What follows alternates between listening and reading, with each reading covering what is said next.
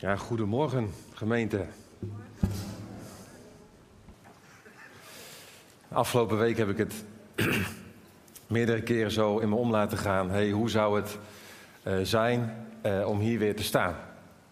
Uh, vertrouwde plek, met een vertrouwd uitzicht. Zo, die Bijbel samen open doen. Um, hoe zou het zijn? En um, ja, vertrouwd dacht ik. Maar misschien ook wel een beetje wennen, omdat ik op een andere manier verbonden ben aan, uh, aan de gemeente nu. Uh, en aan deze plek. Maar ik dacht, ja, we gaan het meemaken. Nou, en dat is nu.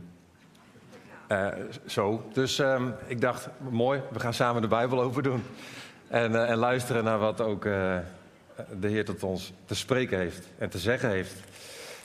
ja, wat hij in ons wil doen vanmorgen. En ik wil de Bijbel met je open doen bij Matthäus 4. En het gaat over de roeping van de eerste leerlingen, uh, waaronder ook Petrus. En ik wil met je gaan kijken naar hoe Jezus Petrus roept en ook vormt om hem te volgen. En nu geloof ik dat Jezus met ieder mens een unieke route gaat. En zo ook met Petrus.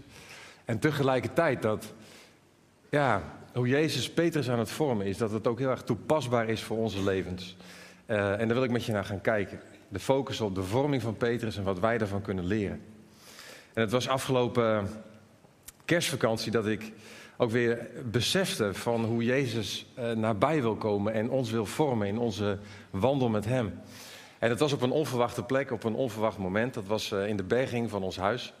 Um, uh, ik was met Harmke, waren we al een tijden van plan en het kwam er nooit van om de berging eens een keer goed op te ruimen.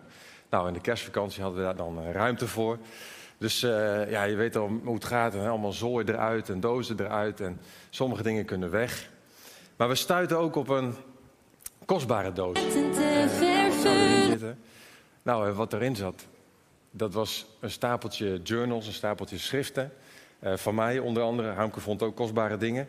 Maar, um, want ik, al meer dan twintig jaar dan, dan schrijf ik met grote regelmaat over, ja, reflectief eigenlijk over mijn binnenkant. Over uh, wat er in me omgaat. En, en dus ook echt in mijn verbinding met Jezus. Dus een stapeltje schriften. Hey, leuk, zo doorheen bladeren. En dat ontroerde me eigenlijk wel. Dat je dan zo door de tijd heen, de afgelopen meer dan twintig jaar, ook gewoon de hand van de Heer mag herkennen in hoe die ja, ook mij aan mijn binnenkant aan het vormen is geweest. Nou, later daarover meer. Maar daar gaat het over. Dat Jezus nabij wil komen en dat hij vormend nabij wil komen. Uh, dat hij verlangend is om op de diepte van ons leven ook zijn werk te doen. Nou, dus laten we eens gaan lezen. Uh, Matthäus 4 vanaf vers 18 tot en met 22. Toen Jezus langs het meer liep, zag hij twee broers. Simon, die Petrus genoemd wordt, en zijn broer Andreas. En ze wierpen hun net uit in het meer het waren vissers. En hij zei tegen hen: Kom, volg mij. Ik zal van jullie vissers van mensen maken. En ze lieten meteen hun netten achter en volgden hem. En even verderop zag hij twee andere broers, Jacobus, de zoon van Zebedeus, en zijn broer Johannes. En ze waren met hun vader in hun boot bezig met het herstellen van de netten. Hij riep hen en meteen lieten ze de boot en hun vader Zebedeus achter en volgden hem. Ja, de roeping van de eerste leerlingen, waaronder ook Petrus. Uh, en zo begon het voor hem. En als we dan door de evangelie bladeren, ja, dan leren we Petrus steeds beter kennen. En dan, en, dan, en dan valt op hoe vurig hij is. En hoe diep zijn verlangen om bij Jezus te zijn. En ook hoe groot zijn bereidheid om te doen wat Jezus zegt. Tot en met een wandeling over water aan toe. En toch, bij al die toewijding van Petrus maakt hij ook zoveel pijnlijke momenten mee. Het moment dat Jezus tegen hem zegt: Satan, ga weg achter mij. Het moment dat Jezus zegt: Petrus, doe dat zwaard toch weg. Het moment dat Jezus zegt: nog voor de haan kraait, tot driemaal toe. Hoe kan dat nou toch? Zoveel toewijding Zoveel vuur. En toch, het stottert, het hapert. En als we dan verder zouden bladeren, nou, dan komen we bij het Bijbelboek Handelingen en dan komen we Petrus ook weer tegen. En ook daar zien we weer vuur en bereidheid om te doen wat Jezus zegt. En, en, en verlangen om bij Jezus te zijn. Enorme toewijding weer. En toch is er ook een verschil. Daar in handelingen, daar zien we hoe het stroomt bij Petrus. Hoe die werkelijk vrij is geworden om te volgen, vrijmoedig en vurig. Van waar het verschil? Nou, en om daar een beetje zicht op te krijgen, ja, dan moet het gaan over de wortels van zijn toewijding. En dan lijkt het erop dat de wortels van zijn toewijding in de evangeliën anders zijn dan de wortels van zijn toewijding in het boek Handelingen. En dat daartussenin er dingen veranderd zijn. En dat daartussenin, dat, dat Jezus zijn vormende werk op de diepere lagen van, van het leven van Petrus heeft kunnen doen. Dat Jezus de wortels van zijn toewijding heeft blootgelegd. Om ze aan te raken en om ze gezond te maken. En daar wil ik eens wat dieper op inzoomen. Die, die wortels van de toewijding van Petrus. En wat wij daarvan uh, van kunnen leren. En, en met je kijken naar drie vormingsmomenten uit het leven van Petrus. Nou, en voor het eerste vormingsmoment wil ik dieper inzoomen op die roeping van Petrus. Want Matthäus die geeft hier niet zo heel veel details. Maar Lucas doet dat wel in Lucas 5. Die geeft meer kleur en details aan hoe Petrus geroepen wordt. En wat gebeurt daar? Nou, Jezus die wandelt over de oever van het meer van Galilea. En uh, de menigte die dringt zich al heel snel op. Uh, ze zijn verlangend om naar Jezus te luisteren. En Jezus die stapt dan in een boot, en dat is dan de boot van Petrus. En die zegt, Petrus, vaar een stukje uit de oever, um, want dan kan ik gaan zitten en onderricht geven aan de menigte. Nou, zo gebeurt het ook en Petrus vindt het prachtig. Zijn boot als preekstoel van Jezus. Maar op een gegeven moment dan wordt het anders, want dan is Jezus klaar met zijn onderricht en er komt daar toch wel een vreemd verzoek, een vreemde vraag naar Petrus toe.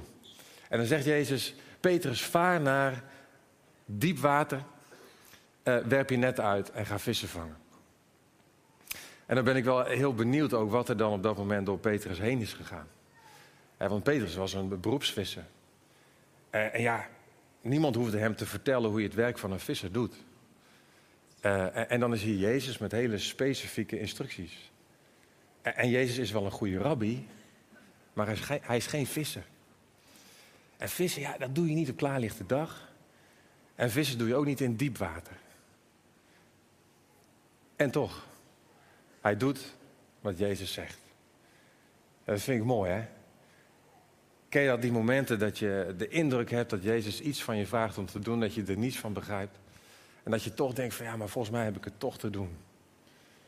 Nou, zo'n moment dat beter is hier. Hij snapt het niet en hij doet het toch.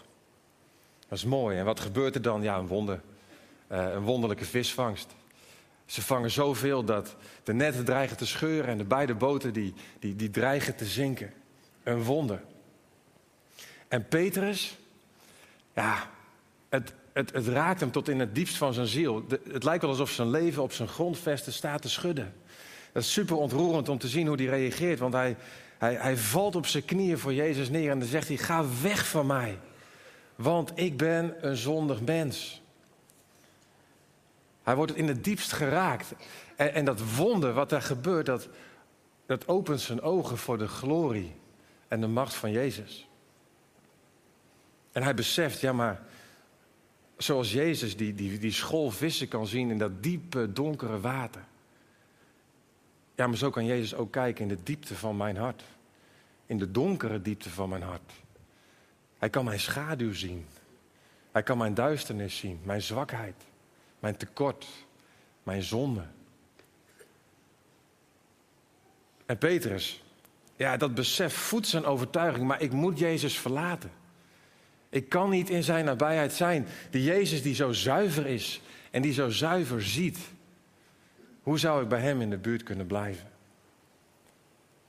Het toch hoe Jezus daar ook een wortel blootlegt van zijn angst om Jezus teleur te stellen. Zijn angst om niet te voldoen aan wat Jezus van hem verwacht. Zijn angst om te falen ook. Tekort te schieten in de ogen van Jezus. Hij wordt zich daar in dat moment diep bewust van zijn het diepe menselijke tekort. En Jezus, die reageert er zo liefdevol op. Niet van, joh, dat is een goed idee, ga maar. Nee, Jezus zegt, kom, volg mij. Niet kom, volg je angst. Want als je je angst volgt, dan vlucht je voor mij weg. Nee, kom, volg mij. En ik vind het zo mooi dat Jezus zegt, wees niet bang. Met andere woorden, Jezus die zegt, Petrus, ik zie je angst. Ik zie het, het is er. En ergens zet Jezus die angst in het volle licht. Erkent dat ten volle. Petrus, ik zie je angst. Voor je eigen tekort, voor je zonde. En om tekort te schieten in mijn ogen, maar hé, hey, wees niet bang. Ik zal je maken. Ik heb iets voor jou. Zullen we op pad gaan? Vertrouw maar dat ik een diep werk ook daarin in jouw leven wil doen. En Petrus, wat blijkt, ja, hij kan het nog niet werkelijk ontvangen. Want als we hem zo blijven volgen door de evangeliën, ja, dan zien we dat toch elke keer weer zijn toewijding, in ieder geval ten dele, ook geworteld is. In zijn angst om niet tekort te schieten in de ogen van Jezus. Dat was zo'n eerste vormingsmoment. Jezus raakt de angst van Petrus aan. En dan vervolgt de reis. En dan is daar een tweede vormingsmoment. En het is verderop in de tijd, maar niet zo heel veel verder dan het plek van, van, van het wonder, namelijk in het dorpje Capernaum. En dat kunnen we lezen in Matthäus 17. En wat gebeurt daar? Nou, op een gegeven moment komt, komt Petrus weer uh, Capernaum binnen. Dat was het dorpje waar hij ook woonde, was gaan wonen. En uh, als hij dat dorp inkomt, dan zijn daar inners van de tempelbelasting. En die zeggen, Petrus, draagt uw meester de dubbeldrachme niet af? Oftewel, betaalt uw meester de tempelbelasting niet? En wat er dan gebeurt, dat is ook weer fascinerend. Petrus die, die, die knalt hem erin. En ik stel me zo voor dat hij dan gaat staan en zegt, heel absoluut, heel stellig, zeker wel. Zeker wel. Absoluut overtuigd, zeker wel. En wat er dan volgt is, hij komt dan thuis en hij, er ontvouwt zich een gesprek met Jezus. En in dat gesprek blijkt dat hij het helemaal niet zo zeker weet. Eigenlijk wist hij het gewoon niet. Zeker wel. Maar ondertussen, ja, ik weet het eigenlijk niet. En, oeps. En Jezus die geeft hem dan een opdracht. En die zegt, Petrus, pak een hengel. Want het bleek dat Jezus de tempelbelasting inderdaad niet had betaald. En Jezus zegt dan, Petrus pak een hengel, ga naar het meer, werp je hengel uit. En de eerste vis die je vangt, die heeft een, um, een drachme in zijn bek. En ga daarmee naar uh, de, de inners van de tempelbelasting en, en betaal voor ons allebei. Een vier drachmen, dat was het. Uh, betaal voor ons allebei. En dat was best wel een les in nederigheid. Want de amateurs, die waren aan het vissen met een hengel. Maar Petrus was een prof. En die viste met netten. Dus dan loopt Petrus daar met zijn hengel. En dan ziet hij eruit als een amateur. Maar hé, hey, ik ben een prof. Dus het gaat over hoe het lijkt en hoe het is. En hij vangt dan een vis. En ja hoor, daar zit die vier drachmen in. En daarmee gaat hij terug naar die inners van de tempelbelasting. En dat is ook een les in nederigheid. Uh, want dan sta je daar weer bij die mannen. En dan moet je zeggen, ja, ik was wel heel stellig, zeker wel. Maar ik wist het eigenlijk niet en uh, het antwoord was eigenlijk nee. En dan moet hij betalen. En dat vind ik ook weer zo'n vormend werk van de Heer Jezus in het leven van Petrus. Vormend. Want Jezus die, die doorziet wat daar speelt bij Petrus. Die bloedfanatieke Petrus. Zeker wel. Kom niet aan Jezus. Hij wil Jezus verdedigen. Geen kwaad woord over Jezus. Want kom je aan Jezus, dan kom je aan mij. En ik ben zijn leerling. Dus opnieuw wil hij het weer heel goed doen voor Jezus. Kom niet aan mijn Jezus. Maar wat Jezus daar ook aanraakt is dat hoezeer Petrus bezig is ook met het mooie plaatje. Dat het aan de buitenkant klopt. En, en dat hij bezig is en dat hij bezorgd is ook met hoe hij oogt, ook in de ogen van de religieuze leiders. Nee, ik ga voor mijn meester door het vuur. Nee, alles is oké, alles is in orde. En ik snap het ook wel. Zo'n klein dorpje daar, Capernaum, duizend inwoners. Iedereen kent iedereen. En is het belangrijk dat het, dat het klopt. Maar Jezus zegt, joh, Petrus, kom, volg mij. En niet je onzekerheid over hoe het er allemaal uitziet en dat het wel goed lijkt. Kom, volg mij en ik zal je maken. Vrij. Vrij van angst om tekort te schieten. Vrij van kramp over hoe dingen lijken. Vrij van je verslaving aan het mooie plaatje dat het aan de buitenkant klopt. En daarom pak een hengel, vang die vis en ga terug en vertel hoe het echt is. Kostbaar hoe Jezus hem aan het vormen is op die diepere lagen. Eerst in zijn angst om tekort te schieten, dan in zijn onzekerheid over ja, hoe die overkomt in de ogen van mensen, religieuze leiders, dorpsgenoten. En Petrus die laat het ook aan zich gebeuren. Oké heer, doe maar. Ja, ik pak die hengel en ja, ik ga terug. Hij laat zich ook vormen, is ontroerend om te zien. En dan een derde, laatste vormingsmoment. Dat is dat moment dat ze samen uh, met Jezus en de leerlingen onderweg zijn naar Caesarea Philippi. Daar in het noorden van Israël. Uh, een duistere stad ook. Je had heel veel tempelprostitutie en rituele offerfeesten en heel veel afgoderij. En naar die onorthodoxe plek, daar gaat Jezus naartoe. En uitgerekend daar, dan stelt hij de vraag: wie zeggen de mensen dat ik ben? En ook de vraag: wie zeggen jullie dat ik ben? Nou, en Petrus die beleeft daar een heel mooi moment. Want hij zegt daar: U bent de Messias, de zoon van de levende God. En Jezus die is ongelooflijk gelukkig met deze belijdenis van Petrus. En die zegt ook, gelukkig ben jij Simon Barjona, want dit is niet door vlees en bloed geopenbaard, maar door mijn Vader in de hemel. Dat is kostbaar voor Petrus, maar ook voor Jezus. Maar even daarna, dan begint Jezus te vertellen over het feit dat hij moet lijden en moet sterven. Dat hij gekruisigd zal worden, maar ook weer zal opstaan. En, en dat kon Petrus niet horen. Hoezo lijden en sterven? En dan, dan, dan, dan komt hij weer tevoorschijn en zegt hij: God verhoede dat dat zal gebeuren. Dat nooit. En dan moet Jezus zeggen tegen Petrus: Petrus, ga weg. Achter mij, Satan. Want je hebt niet dat wat God wil voor ogen, maar dat wat mensen wil voor ogen. En dus vanuit dat grote, dan valt hij weer. En het is allemaal zo goed bedoeld. Hij wil Jezus beschermen. En hij wil het goed doen voor Jezus. En hij wil vurig zijn voor Jezus. Maar het maakt dat hij, dat hij gewoon te snel, te grote woorden gebruikt. Te stellig is. En hij valt. Afijn, en als we hem dan volgen, dan zien we dat hij nog een keer valt. En nog een keer valt. En nog een keer valt. En dat hij zo hard valt dat hij eigenlijk niet meer zelf kan opstaan. En het is dan ook weer genade dat Jezus hem weer opzoekt en opraapt en op de benen zet. Maar telkens weer, oh die vurige toewijding van Petrus en toch, het hapert.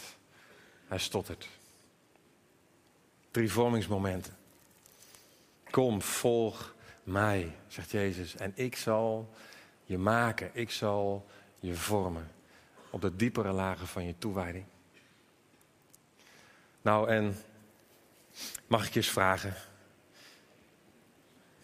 als Jezus langs de oever van jouw leven wandelt en in het bootje van jouw dagelijkse bestaan gaat zitten en jou uitnodigt om te volgen. Kom, volg mij. Kom, volg mij, ik zal je vormen. Voor jouw leven, welk vormingswerk staat hem dan te doen jou? Waar gaat het voor jou over?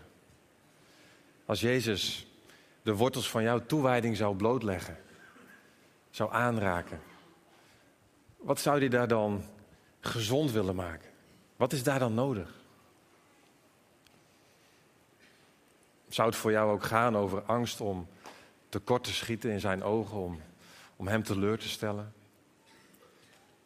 Of zou het voor jou gaan over die onzekerheid voor wat andere mensen vinden van jouw navolging of vinden van hoe het plaatje eruit ziet? Of zou het voor jou ook gaan over overmoed? Dat je in al je bevlogenheid voor Jezus te snel te grote woorden gebruikt. En, en er zelfs die mogelijkheid is dat je Jezus voor de voeten loopt daarmee. Waar zou het over gaan? En toen ik dat zo door me heen liet gaan, toen dacht ik van ach, is het niet zo dat we het gewoon allemaal herkennen? Of misschien velen of de meesten. Is het niet herkenbaar? En we zingen het en we zeggen het. Heer Jezus, we willen u volgen met alles wat in ons is. En we willen het goed doen voor Jezus. En we willen het goed doen voor elkaar. Ja, en daarin gebruiken we soms ook de grote woorden. Dat de taal er wel is, maar dat het niet overeenkomt met de ervaring of met de werkelijkheid van hoe het echt is in ons. Ik herken het.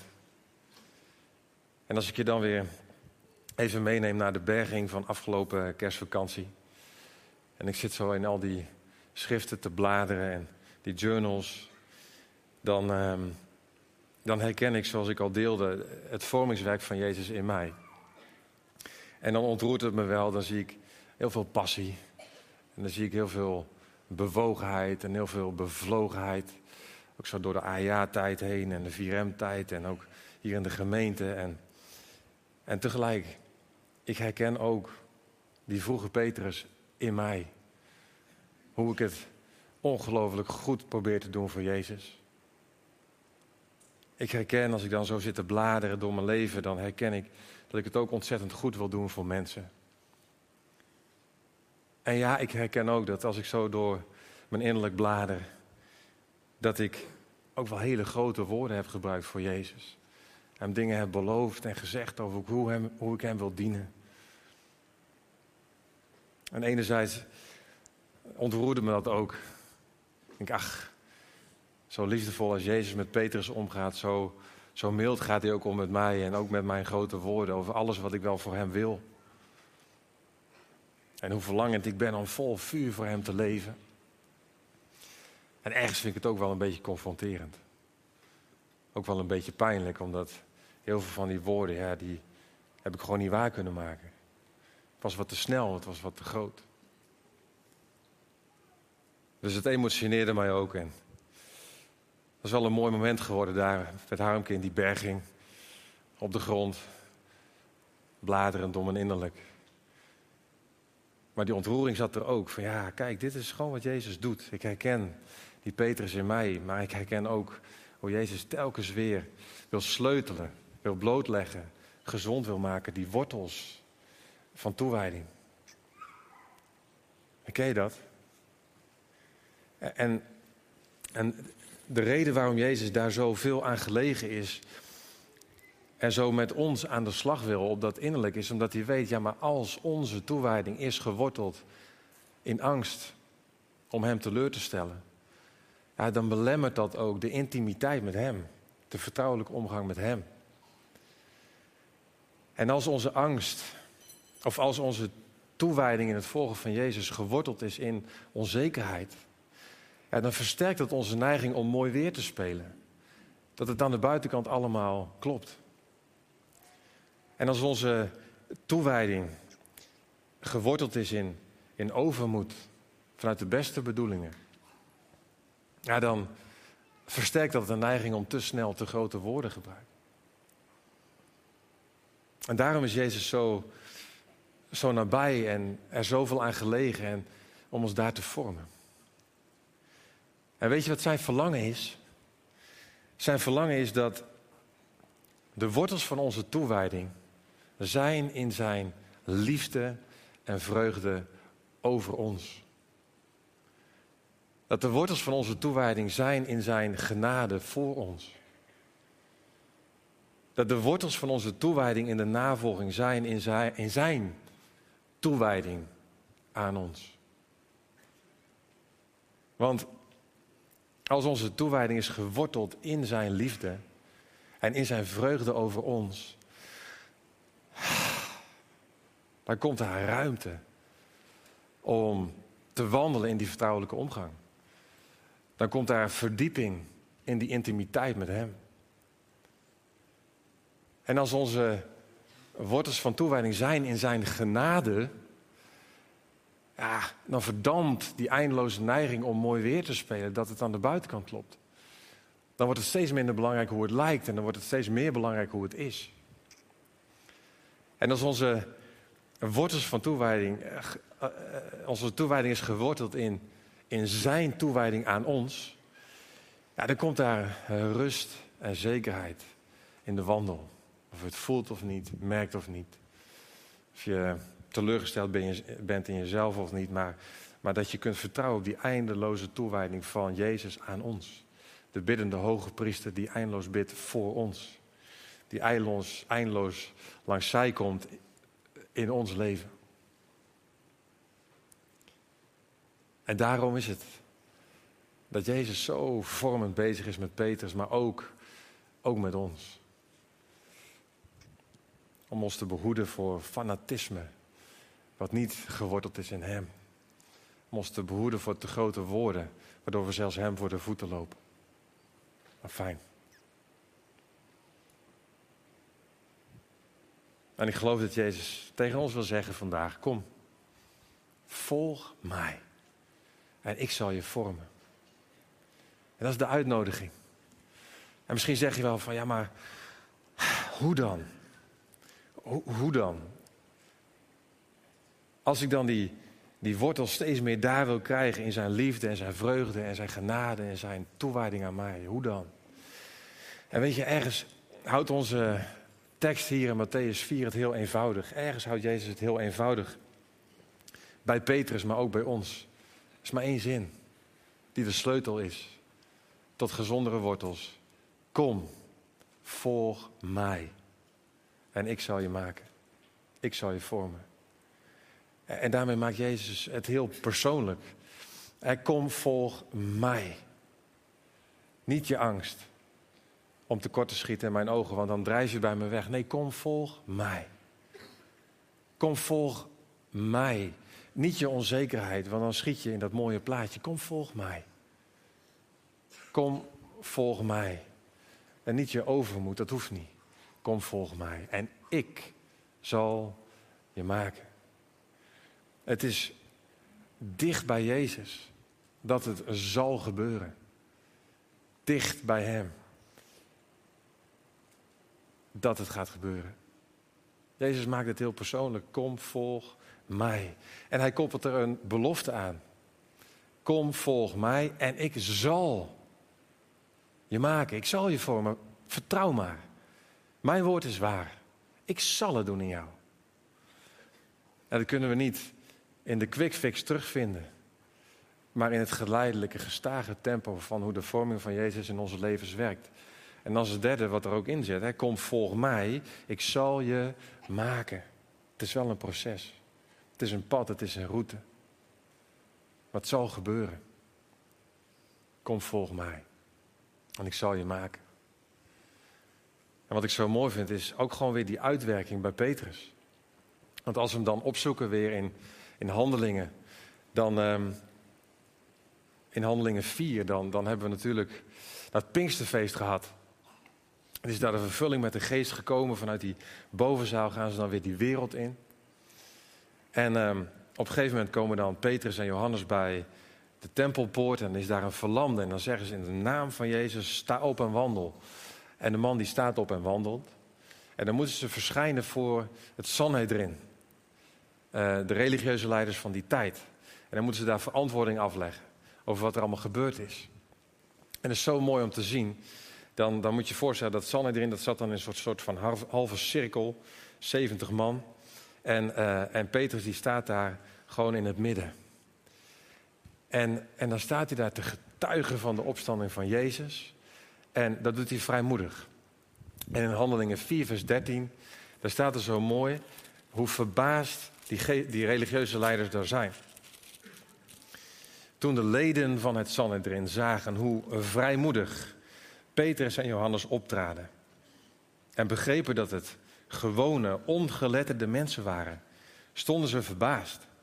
En ze realiseerden zich dat beiden in Jezus gezelschap hadden verkeerd. Mooi hè? Kom, volg mij. Verkeer eindeloos in mijn gezelschap. En het gaat gebeuren.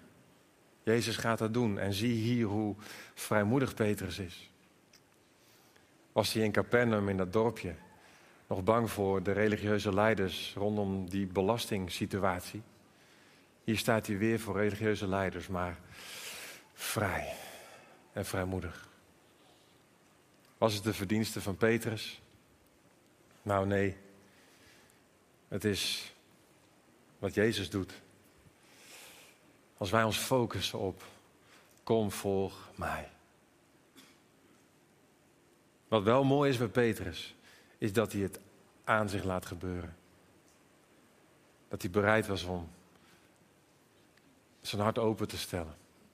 Dat hij bereid was om zich te laten opzoeken. Dat hij bereid was om te zeggen, Heer Jezus, ik vertrouw op u. Kom, volg mij. En ik zal je maken. Ik zal je vormen. Een visser van mensen. Ik zal je brengen op je bestemming. Ik zal je maken vrij en vrijmoedig in de verbinding met mij. Ik wil je planten in mijn liefde. Kom, volg mij. Amen. Zullen we samen gaan staan en bidden?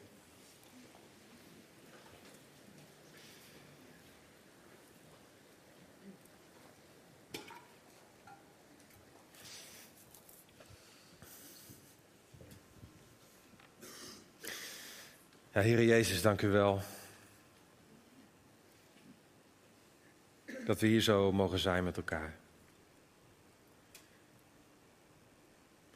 En dat u ook eh, langs de oevers van onze gemeente loopt en dat u plaatsneemt ook in ons dagelijks bestaan. dat u ons aanspreekt, elke keer weer, in een wereld op drift, in een wereld vol chaos, in een wereld vol verwijdering, vervreemding, prestatiedruk, donkerheid. Dat u gaat zitten en daar waar wij uit koers zijn geslagen, dat u zegt: Kom, volg mij. Ik wil je vormen. Dan zijn we eindeloos dankbaar, Heer Jezus, dat u dat elke keer weer doet. Door de eeuwen heen, sinds mensenheugenis. Dat u de God bent die ons opzoekt. Op ultieme wijze zichtbaar geworden in het feit dat u kwam van hemel naar aarde. Mens werd onder ons. Kom, volg mij. En dank u wel dat u groter bent dan ons tekort. Dat u groter bent dan onze angst. Dat u groter bent dan onze onzekerheid. Dat u groter bent dan onze grote woorden. U bent groter. En dank u wel dat u wortels wil aanraken, blootleggen, gezond maken. Dat we werkelijk vrij zullen zijn om u te volgen in deze wereld. En als we hier zo zitten, lieve gemeente, dan wil ik ook een uitnodiging doen. Want misschien zit je hier en, en is het Jezus die klopt op jouw deur.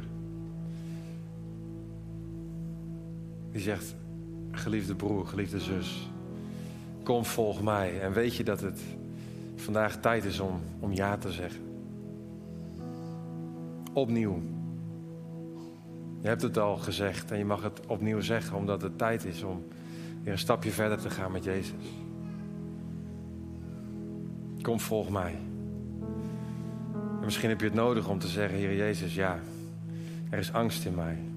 Er is onzekerheid in mij. Er is overmoed in mij. En dan zegt Jezus, dat is prima. Ik heb het gezien. En ik schrik er niet van. Maar vlug niet weg. Sta mij toe. En misschien zit je hier en is het voor jou wel de eerste keer dat je dat hart zo op die manier open mag zetten. Misschien ben je wel doodmoe geraakt van al het zoeken, al het tasten.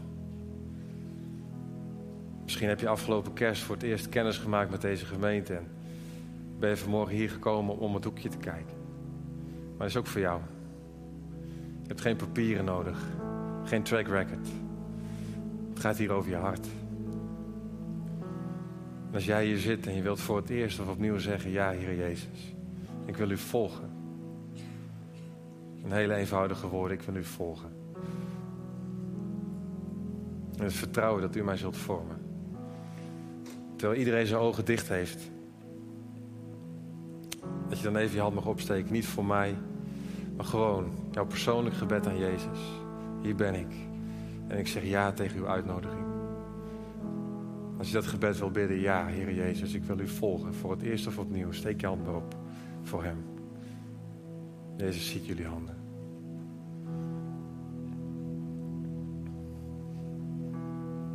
Heer Jezus, als gemeente komen we zo voor u. We bidden voor elkaar en op dit moment specifiek nu, ook in het bijzonder gewoon voor mensen die hun hand hebben opgestoken voor het eerst of opnieuw. Tijd voor een nieuwe stap met u. Het hart weer open. Dan nodig ik uit, Heer Jezus, om aan de hand te nemen. Uw geest te blazen. Uw werk te doen. In Jezus' naam. Ga zo met ons op weg, Heer Jezus. Maak ons vrijmoedig in deze wereld. Houd ons dicht bij U. In Jezus' naam. Amen.